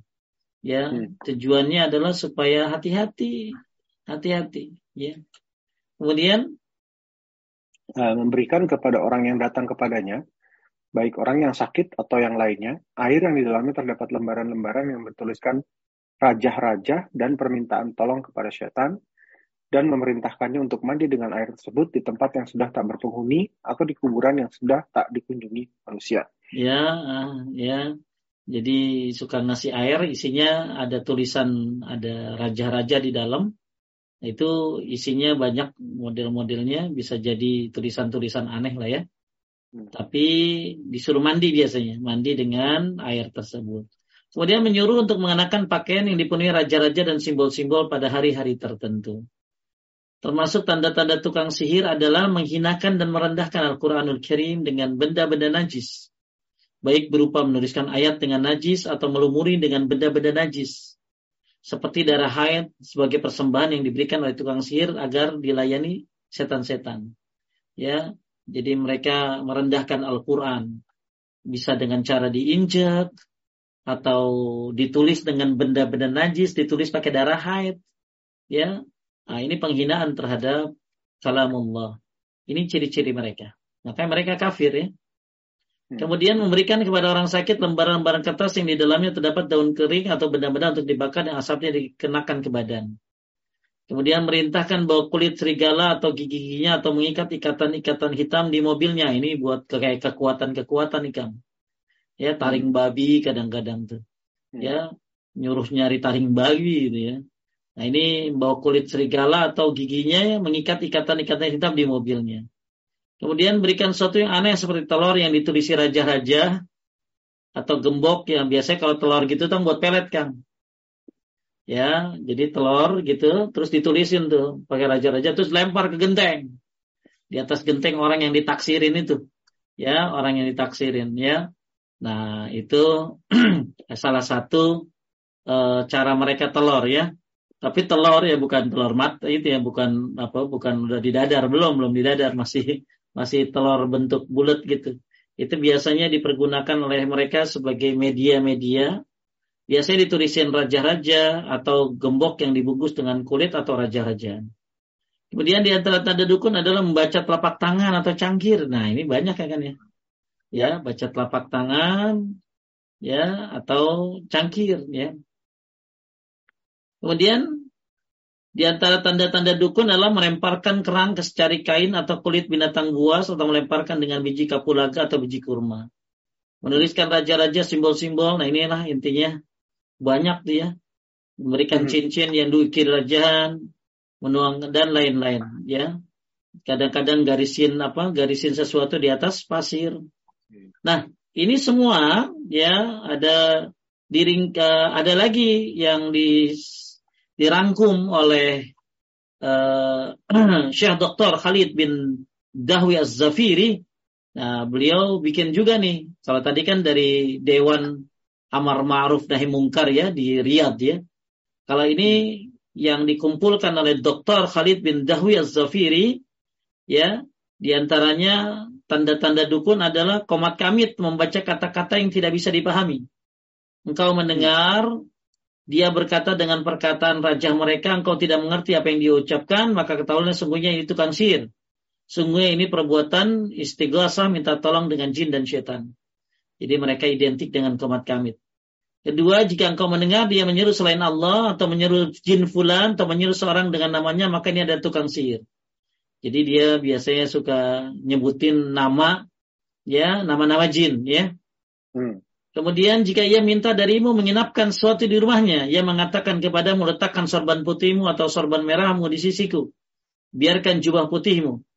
Atau engkau sendiri bermalam di rumahku semalam, maka ketahui sungguh ia adalah tukang sihir. Jika ia minta nama ibu, hampir sama nih kan. Hmm. Maka ketahuilah dia adalah tukang sihir. Ya. Jika ia mengatakan pejamkan kedua matamu dan kabarkan kepadaku apa yang kau lihat. Nah, ini banyak nih. Ketahui dia tukang hmm. sihir. Coba pejamkan matamu. Apa yang kau lihat? ya. Kemudian jika mengatakan kepadamu aku memiliki korin dari bangsa jin yang membantu saya untuk menipu manusia, maka ini adalah tukang sihir. Kemudian jika engkau melihat dirinya ada suatu permintaan yang kau lihat aneh dan mungkar, maka seorang harus berhati-hati waspada karena perkara tersebut berbahaya untuk diberikan kepada semisal orang tadi. Dan tadi permintaannya aneh-aneh nyari tikus yatim tadi itu, ya. Atau melakukan apa tadi yang yang yang mungkar, apa? Nauzubillah kan sampai ada seorang, ah, saya baca di medsos ya, ada seorang anak sampai dicongkel matanya sama orang tuanya karena sebagai persembahan kayak gitu. Ya, nauzubillah. Jadi oh. anaknya itu sampai ini kan, sampai apa? Sampai diambil matanya. Hmm. Ya. Nah, ini orang-orang yang sudah terkena dengan tipu daya tukang sihir. Kemudian jika dia mengabarkan kepadamu suatu dari perkara gaib yang mengatakan sihir yang ada di tempat jadi eh, dia suka sok tahu dalam perkara yang gaib itu tukang sihir. Si Alan telah menyihirmu. Nah, ini sering nih kan. Maka ketahuilah sungguhnya dia adalah tukang sihir yang minta tolong kepada jin atau setan. Kadang-kadang dia suka yang nyihir kamu si Fulan gitu dah. Nah ini hmm. biasanya dia ngasih info begini lewat tukang lewat lewat setan atau jin juga itu. Hmm. Kemudian jika dia memberimu jenis tirai yang dinamakan hijab tertulis di raja-raja, ya Uh, ini termasuk sihir biasanya suka dikasih kain ada tulisan-tulisan aneh-aneh lah. Nah ini terakhir ya uh, hampir sama lah ya menggunakan mantra-mantra intinya. Ini yang ditulis oleh Dr. Az-Zafiri ya Khalid bin Zahwi Az-Zafiri hafizahullah tentang tanda-tanda tukang sihir.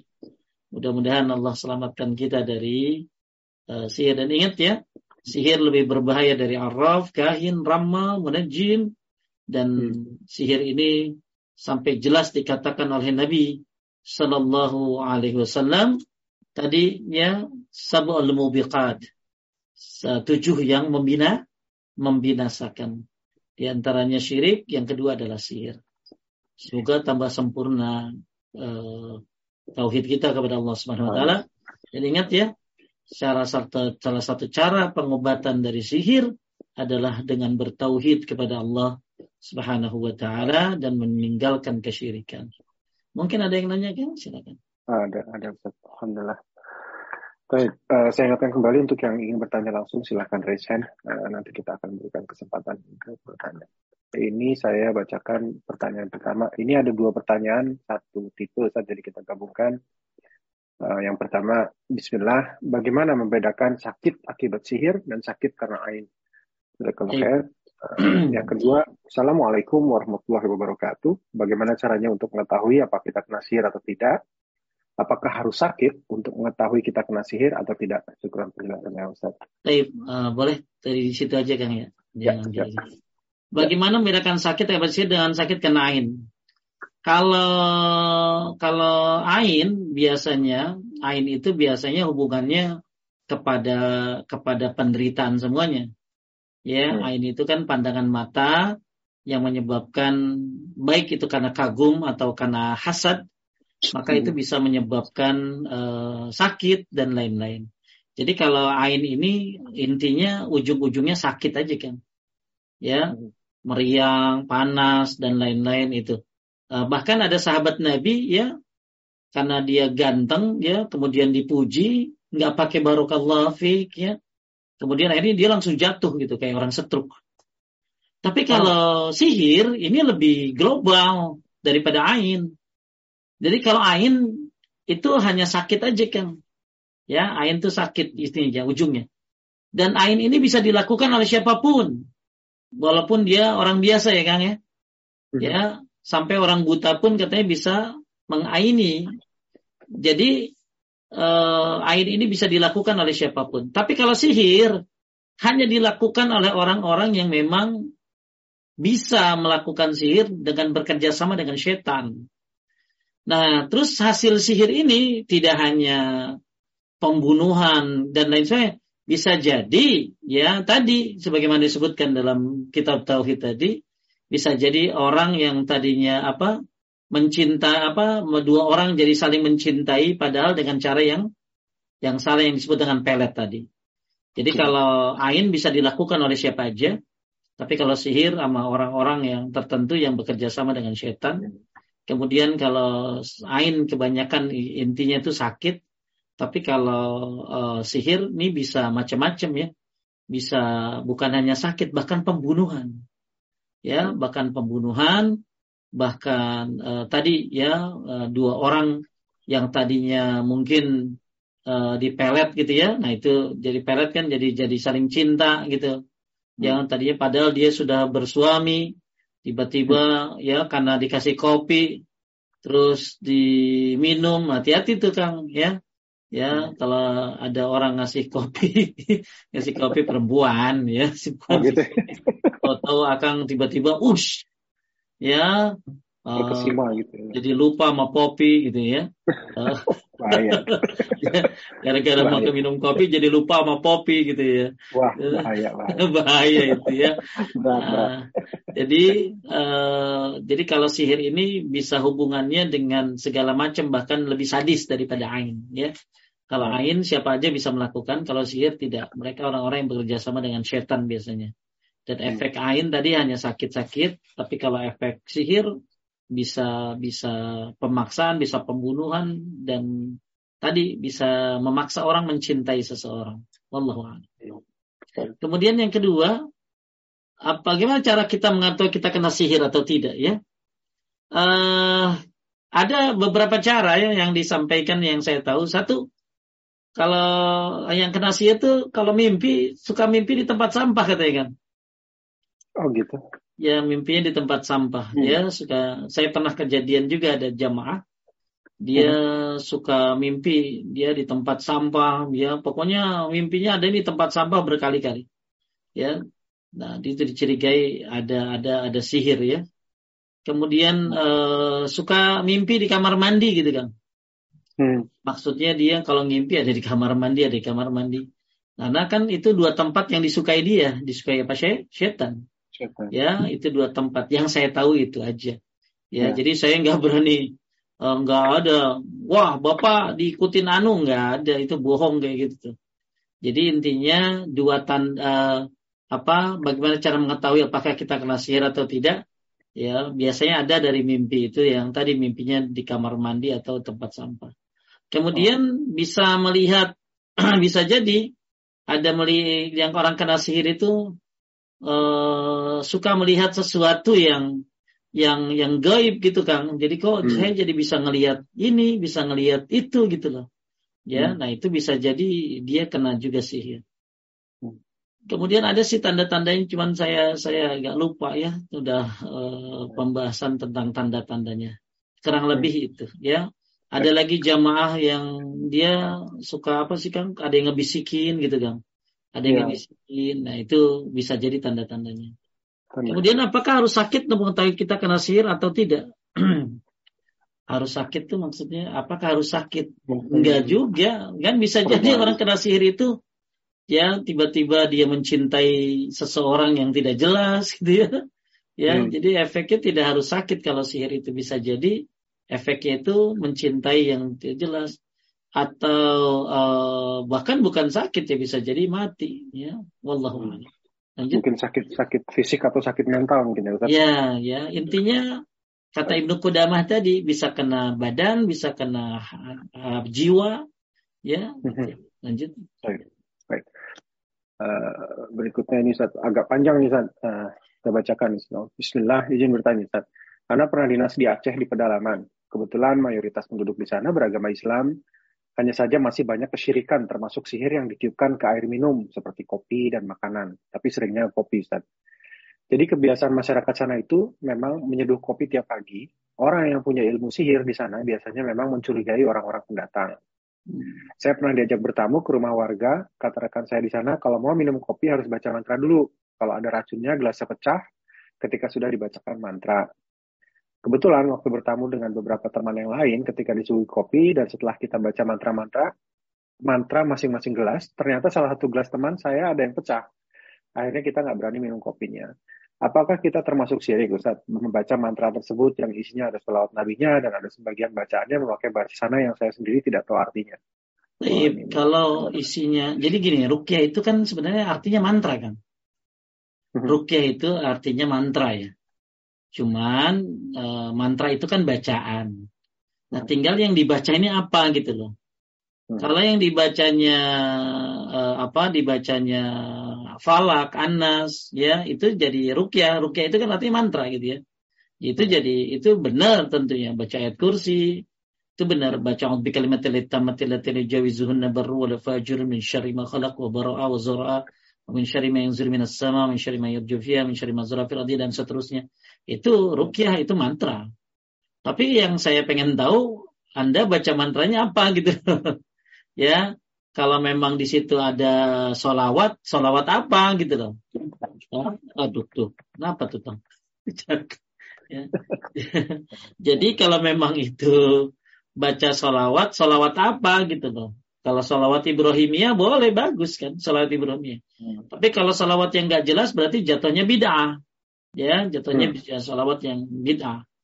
Kemudian uh, ada bacaan lagi yang paling parah pakai bahasa mereka kan yang nggak ngerti. Ya. Nah inilah yang jadi masalah karena rukyah itu harus pakai baca Al-Quran, bahasa Quran, ya dalam arti kata baca bahasa Quran, bahasa hadis gitu loh. Rukyah itu, hmm. ya bukan dengan bahasa bahasa kita bukan, ya dengan bahasa dengan bahasa kita. Jadi rukyah hmm. itu dengan Al-Quran dan hadis. Jadi kalau pakai bahasa berarti bukan rukyah itu itu namanya benar-benar mantra-mantra nah cuman kalau mantra-mantra itu mintanya ke setan ya syirik jelas ya kalau hmm. bisa mantranya minta-minta ke setan tapi kalau mantranya itu di dalamnya uh, intinya minta-minta kepada jin itu itu bisa syirik. Cuman masalahnya Anda kan nggak ngerti mungkin ya. Anda kan nggak tahu dia nggak paham. Cuma dikasih tahu katanya doang gitu loh maka uh, Anda dianggap orang yang tidak tahu. Mudah-mudahan dia bertobat kepada Allah, perbaiki tauhidnya. Uh, jadi yang paling gampang kalau minum kopi ya uh, baca falak anas aja udah cukup. Itu kan muawizzatain, hmm. dua ayat perlindungan. Itu udah paling hebat itu baca falak dan anas. Anda juga faham, Anda ngerti, baca itu saja. Gak usah baca yang macam-macam. Jadi kalau Anda memang tahu itu minta sama setan dan ngerti, Anda syirik. Bertobat kepada Allah. Tapi kalau nggak tahu, nggak ngerti, cuma ikut-ikutan aja disuruh, ya maka uh, Anda termasuk orang yang tidak paham. Maka jalan keluarnya adalah sampai di samping bertobat, banyak bertanya dan belajar tauhid tentunya. Insya Allah nggak diulangi lagi. Ya, lanjut. Yang berikutnya singkat nih Ustaz. Uh, apa Ustaz, bagaimana dengan menduga hasil pertandingan sepak bola nih Ustaz? Apakah ini masuk ke dalam ranah ramal-ramalan nih Ustaz? Menurut saya itu kurang kerjaan ya. ya, ya. Uh, jadi gini loh. Prediksi itu kan ada yang pakai ini kan. Ya. Pakai pakai pakai penelitian gitu loh kan. Ya. ya kan kayak BMKG ya. BMKG ya. kan ya itu kan itu bukan bukan itu ya bukan syirik itu dia pakai penelitian. Makanya perkiraan kan itulah perkiraan cuaca. Ya, hmm. itu kan dia pakai ilmu karena berdasarkan angin datang dari sini ini, ini itulah.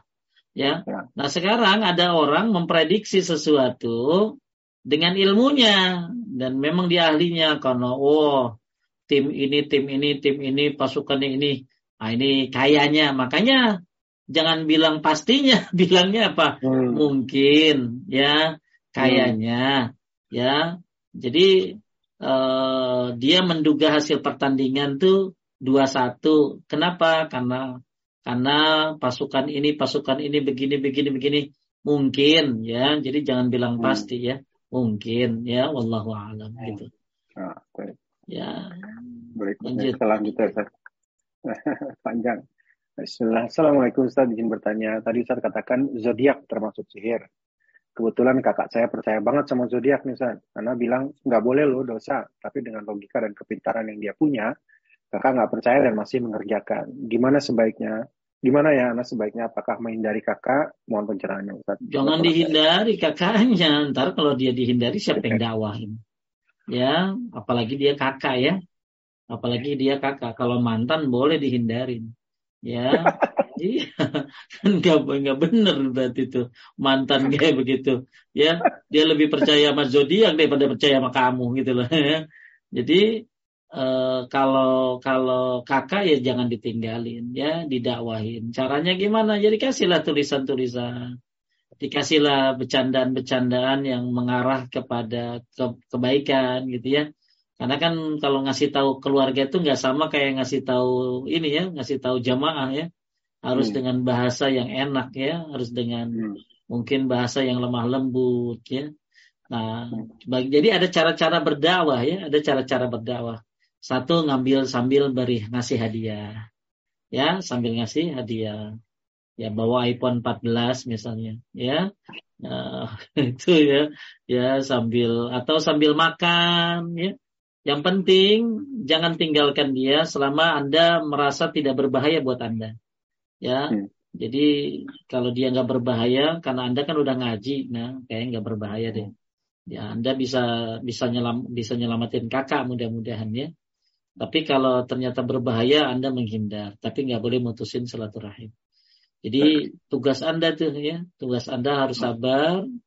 Ya, caranya tiga ilmu sebelum ngomong, dua baik dalam ngomong, tiga sabar habis ngomong. Yang susah ya sabar habis ngomong. Ya hmm. kadang yang kita. Tapi saran dari saya Usaimin saran begini. Ketika kita berdakwah dengan ikhlas, Anda ngasih tahu kakak Anda ikhlas banget. Mungkin Anda dicerca, dicela. Suatu saat akan ada kebaikan pada hati pada bapak eh, kakak Anda. Karena sebab keikhlasan Anda. Walaupun sedikit. Jadi sebelum kita nasehatin orang tuh kudu benehin diri kita dulu gitu loh. Betul. Anda nih nasehatin orang mau apa? Mau tenar, mau dibilangin keren, mau bilang apa? Kan jadi kalau kita ikhlas nasehatin orang, insya Allah akan ada bekas. Entah kapan bekasnya ya hmm. uh, maka penting untuk mengikhlaskan niat dulu jadi jangan tinggalin terus dakwahin ya dengan cara yang baik tentunya. Sambil hmm. ngasih hadiah sambil makan bareng sama keluar atau apa. Mudah-mudahan suatu saat ya. Suatu saat. Ya kakak anda tuh masih di bawah saya. Kalau saya kan dulu udah terjerumus jauh. Ya ya saya udah terjerumus jauh dalam lembah sihir-sihir seperti itu. Tapi masya hmm. Allah Allah selamatkan saya jadi kalau Allah nggak selamatkan saya, saya jadi Ki Agus gini. jadi Ki Agus, bukan bukan Ustaz Agus jadi Ki Agus ya. Ya, alhamdulillah Allah selamatkan saya ya, masya Allah. Ya, lanjut. Baik. Berikutnya Ustaz. Izin bertanya. Saya panggilnya nih izin bertanya. Ustaz apa izin bertanya? Ya, izin bertanya Ustaz. Anda penyakit ain itu seperti apa Ustaz? Apakah iya. tetap bisa kena penyakit ain meskipun niatnya tidak untuk menjerumuskan penyakit ain? Misal memuji berlebihan tanpa maksud mengarah agar dikenakan penyakit ain. Bagaimana? Iya, jadi makanya pujian itu bisa jadi ain. Hmm. Ya, makanya ada sahabat Nabi mulus banget kulitnya. Ya, hmm. sampai dipuji karena mulus kulitnya. Akhirnya langsung setruk kan. Oh, ya, itu. makanya obatnya sama Nabi disuruh ngapain? Ya, disuruh mandi pakai air wudhunya, pakai air mandinya. Jadi di intinya cara ngobatin air itu ya pakai air mandinya dimandiin. Dia hmm. mandi dulu, yang ngainin tuh mandi, lalu yang kena air baru mandi pakai airnya atau pakai buat berwudu. Hmm. Jadi kalau kita ketemu orang yang cakep, cantik, pinter, cerdas, sampai ada Kang cerita, ada orang suaranya bagus banget Kang, habis ngaji. Hmm. turun dari ngaji langsung jatuh. langsung hmm. stroke. Hmm. Ya, maka kalau kita muji orang katakan barakallahu fiik. Ya. ya, Allah yubarik fiik, ya. Jadi kita katakan keberkahan, doain keberkahan, barakallah. Ya, masya Allah, tabarakallah. Gitu. Jadi kalau hmm. kita muji-muji itu jangan buset, mantep dong, cantik banget jangan. Ya, barakallah fiik. Kalau begitu nanti kalau muji nggak pakai barakallah, itu jadi ain bisa. Cuman masalahnya gini loh, ain itu tergantung, kenanya itu tergantung kita juga. Kita ini hmm. kuat nggak gitu loh. Kalau kita tauhidnya bagus, zikir paginya rajin, lancar, maka bisa berbalik itu ain tuh. Hmm. Ya. Jadi intinya ain itu bukan masalah hanya sekadar kebencian ya, tapi ain juga pujian yang berlebihan sebagaimana terjadi kepada sahabat Nabi yang kulitnya mulus dipuji langsung setruk langsung apa jatuh dia. Ya, langsung jatuh. Maka kalau kita lagi muji orang, katakan barakallahu fiik, ya. Ya, Masya Allah, tabarakallah, ya. Ya, lanjut. Ya, baik. Bismillah. Ini ada dua penanya Ustaz kita gabungkan. Uh, pertama, Assalamualaikum. Uh, apakah sihir bisa dihindari dengan kita menjaga keimanan kita? Artinya bila kita termasuk orang yang beriman, apakah kita tidak akan mempan terhadap sihir? Yang pertama. Yang kedua, Pak Ustadz, apabila kita sudah rajin membaca Al-Quran, apakah masih mungkin terkena sihir? Bagaimana cara agar terhindar dari sihir? Dan apakah ada celah atau sebab pada diri Rasulullah SAW sehingga beliau terkena sihir dari orang Yahudi? Baik, pertanyaannya pertama, uh, kita sihir itu bukan kita uh, beriman ya, beriman kita terhadap apa kita punya iman yang bagus ya maka orang beriman itu kan berarti bertauhid gitu loh. Jadi hmm. jangan sampai ngaku beriman tapi masih melakukan kesyirikan gitu. Hmm. Jadi kalau Anda bilang menjaga keimanan berarti Anda menjaga tau menjaga tauhid, ya, menjalankan perintahnya itu keimanan disebutnya. Jadi kalau kita kadang-kadang kita bilang saya beriman, tapi hanya sekedar iman gitu, nggak sholat, nggak apa, ya, ini salah tentunya.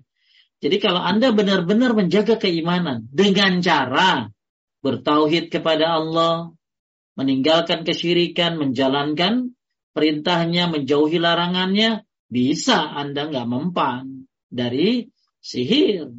Ya, karena sihir itu biasanya kena sama orang-orang yang memang memang lemah ya, lemah. Lemah dari akidah dan bisa jadi lemah karena ini kan ya lemah fisik yang dia nggak makan, banyak bengong, ya, hmm. Maka hati-hati banyak bengong, ya banyak masalah, atau ketawa sendiri gitu ya. Nah, itu gelo ntar. Jadi uh, Anda menjaga keimanan itu bagus dengan cara tadi bertauhid yang benar, jalankan perintahnya, eh, menghindari larangannya. Nah, itu Anda insya Allah. Apalagi ditambah dengan zikir pagi sore, zikir habis sholat, ya. Kemudian kalau kita sudah rajin baca Quran, apakah masih mungkin terkena sihir? Bagaimana cara terhindar dari sihir? Jadi kalau Anda baca Quran, ya itu salah satu cara untuk apa? Untuk menghindari dari sihir. Ya, cuma yang baca Quran kan banyak. Tapi tauhidnya lemah gitu loh. Karena dia baca Quran hanya sekedar baca, nggak ngerti, nggak paham. Maka Anda di samping rajin baca Quran, jadi orang yang bertauhid gitu. Jadi jangan sekedar baca, bahkan hanya sekedar rajin itu kurang, kan? Hmm. Ya, karena tujuan Al-Qur'an itu diturunkan itu bukan hanya untuk dibaca tapi dipahami. Ya, hmm. kitabun anzalnahu ilaika mubarakun yadabbaru ayati wa litazakkaru ulul albab. Ditadaburi dan diambil pelajarannya. Jadi kalau hanya sekedar rajin baca Quran nggak cukup, ya, tapi harus mentadaburinya, ya. Nah, yang terpenting adalah bertauhid kepada Allah Subhanahu itu nomor satu deh itu. Jadi baca Quran hmm. dan lain-lainnya itu nomor setelahnya setelah tahu tauhid. Itu yang Kemudian apa ada celah pada diri Rasulullah Sallallahu kalau cara agar terhindar dari sihir udah saya bahas tadi ya. Ada ya. banyak mungkin bisa saya share nanti ke uh, ke siapa ya. ke ke Feby ya uh, tentang kiat-kiat agar terhindar dari sihir. Nah sekarang uh, apa ada celah pada diri Rasul sehingga Rasul bisa terhindar dari hadi? Tidak ada celah pada diri Rasulullah Sallallahu Alaihi Wasallam. Ya, Rasulullah Sallallahu Alaihi Wasallam kena sihir atas izin Allah. Uh, dengan dengan demikian terungkaplah kehebatan Falak dan Anas. Jadi jangan berani bilang begini ya. Tuh Rasulullah aja kena sihir berarti ada kekurangan. Jangan nggak boleh bilang begitu. Ya. Jadi tidak ada celah pada diri Rasulullah SAW. Karena Rasulullah kena sihir sebagai ujian. Satu. Ya, ujian.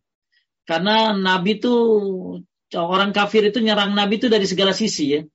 Dengan dengan ain, dengan fisik, dengan lisan, kata-kata, bahkan dengan sihir. Maka Nabi termasuk diuji dengan semuanya, diuji dengan kata-kata apa kata hinaan-hinaan ya. Nabi diuji dengan diainin, Nabi diuji dengan ditawarkan harta, termasuk Nabi diuji dengan sihir. Maka Nabi terkena sihir, bagian daripada ujian dari Allah Subhanahu wa taala. Yang hebat apa kan? Setelah Nabi kena sihir, Nabi membiarkan yang menyihirnya. Hmm. Padahal Nabi punya power tuh kan. Bisa dibunuh, dibiarkan. Ya, ya, dibiarkan karena takut nanti kalau Nabi Muhammad ya melakukan tindakan-tindakan uh, apa uh, tadi jadi Nabi memaafkan intinya ya. Uh, intinya hmm. Nabi sabar terhadap itu. Jadi justru dengan tersihirnya Nabi muncullah kehebatan Falak dan Anas yang jarang orang tahu dengan tersihirnya Nabi makin terungkaplah kejahatan orang Yahu, Yahudi yang memang terbiasa dengan sihir. Tersihirnya Nabi menyebabkan naik derajatnya Nabi Shallallahu Alaihi Wasallam karena sakit, ya dan lain sebagainya kan ngangkat derajat. Ya Nabi pernah juga diracun kan, cuman nggak sampai masuk ke dalam, cuman sampai langit-langit.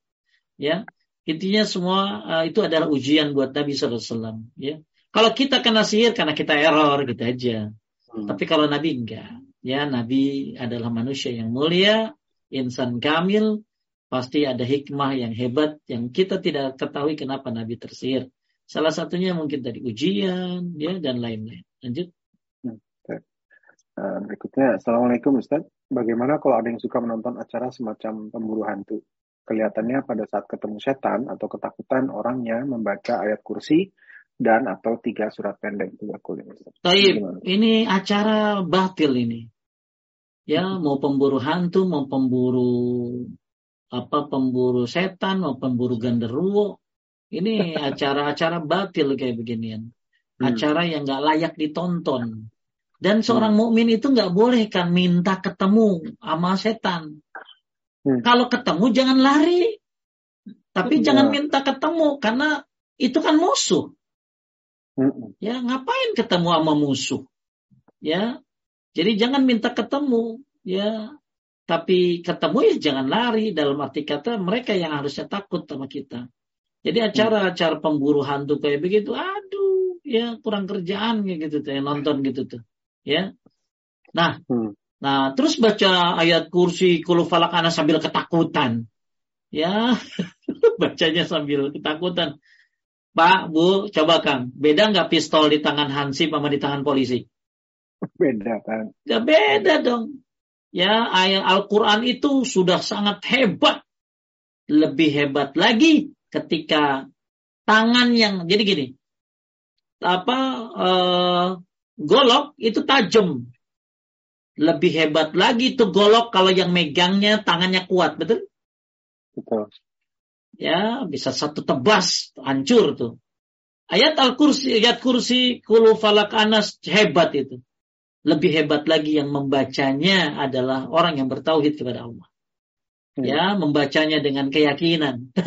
Baca ayat kursi sambil pelangga pelongo, ya. pelangga pelongo ketakutan. Ya. eh begitu ayat kursinya salah dibetulin sama setannya. Salah loh, gitu ya. Nah, jadi uh, acara itu nggak benar acara acara jelek gitu ya, acara batil ya. kayak gitu. Lanjut. Apalagi di filmin sekarang setan. Suster iya. ngesot. Ya, suster apa iya apa terus apa lagi tuh apa ya. uh, beranak dalam kubur siapa bidannya gitu ya terus ada lagi apa tuh uh, oh, banyak loh setan-setan tuh jadi jadi apa ya jadi setan sekarang ditonton naik ratingnya dia ya naik ratingnya karena ditonton.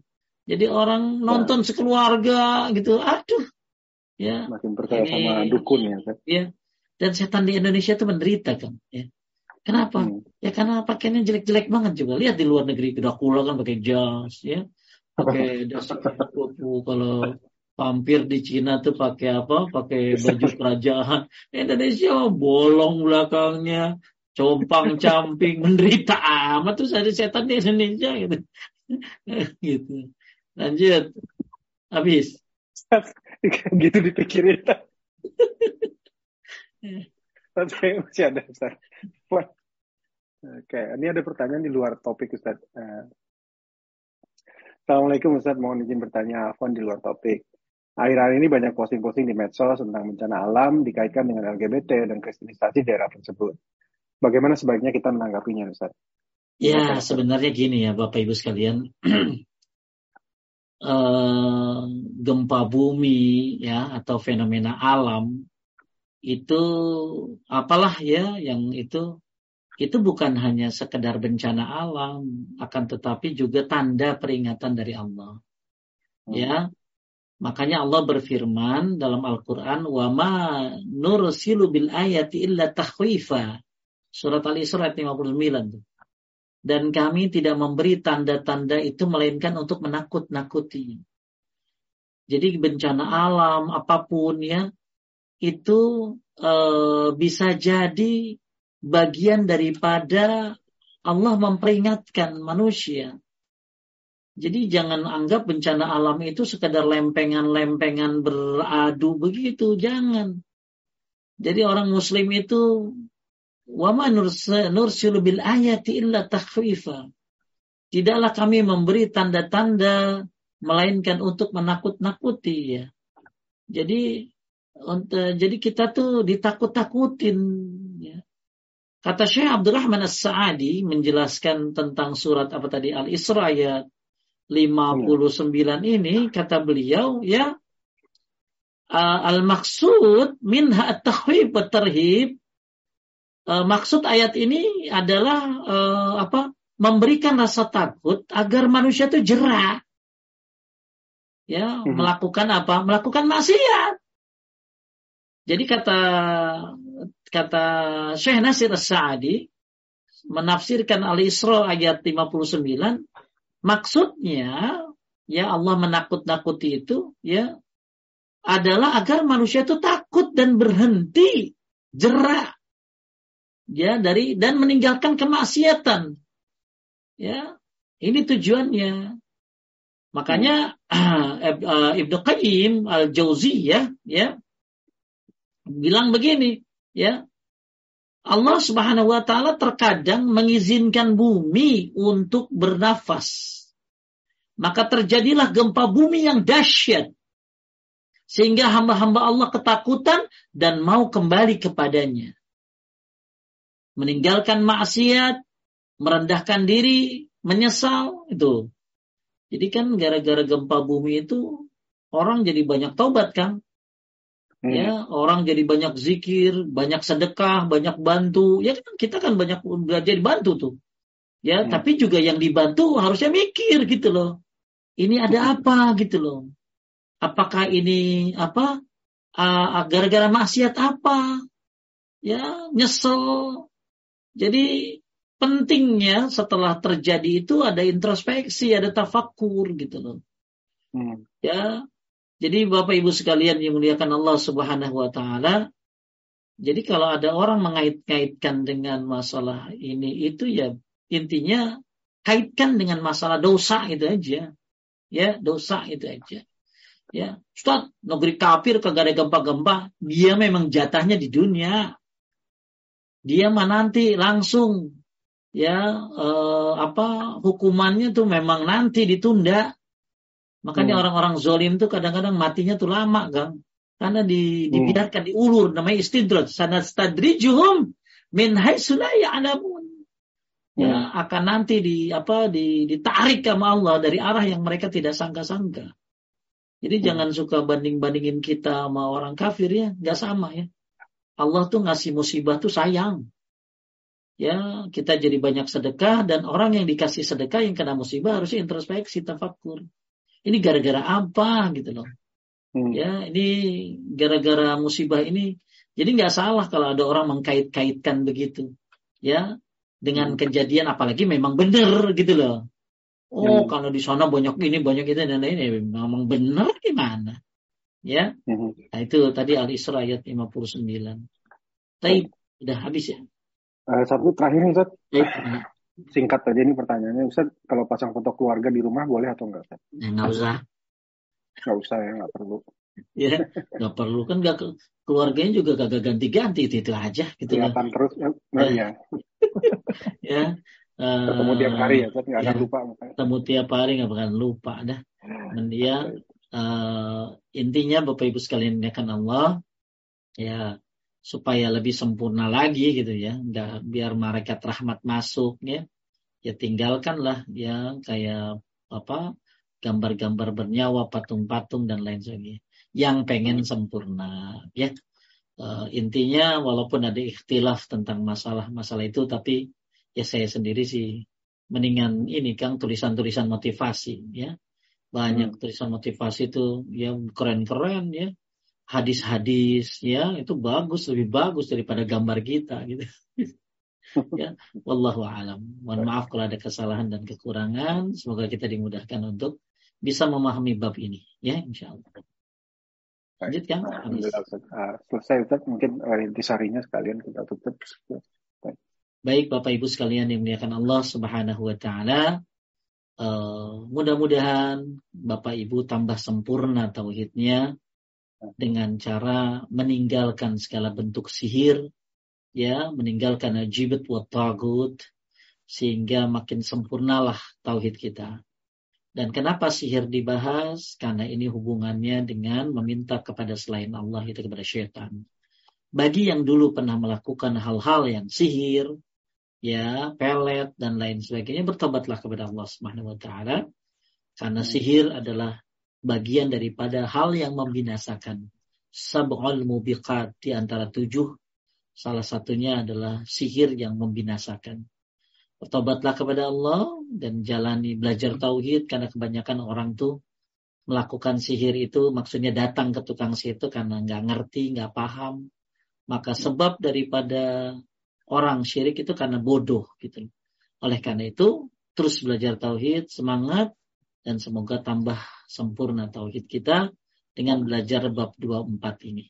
Dan tadi tanda-tandanya ya akan saya kirimkan kepada uh, Feby insyaallah tanda-tanda dukun apa, kemudian cara pengobatannya insyaallah dimudahkan.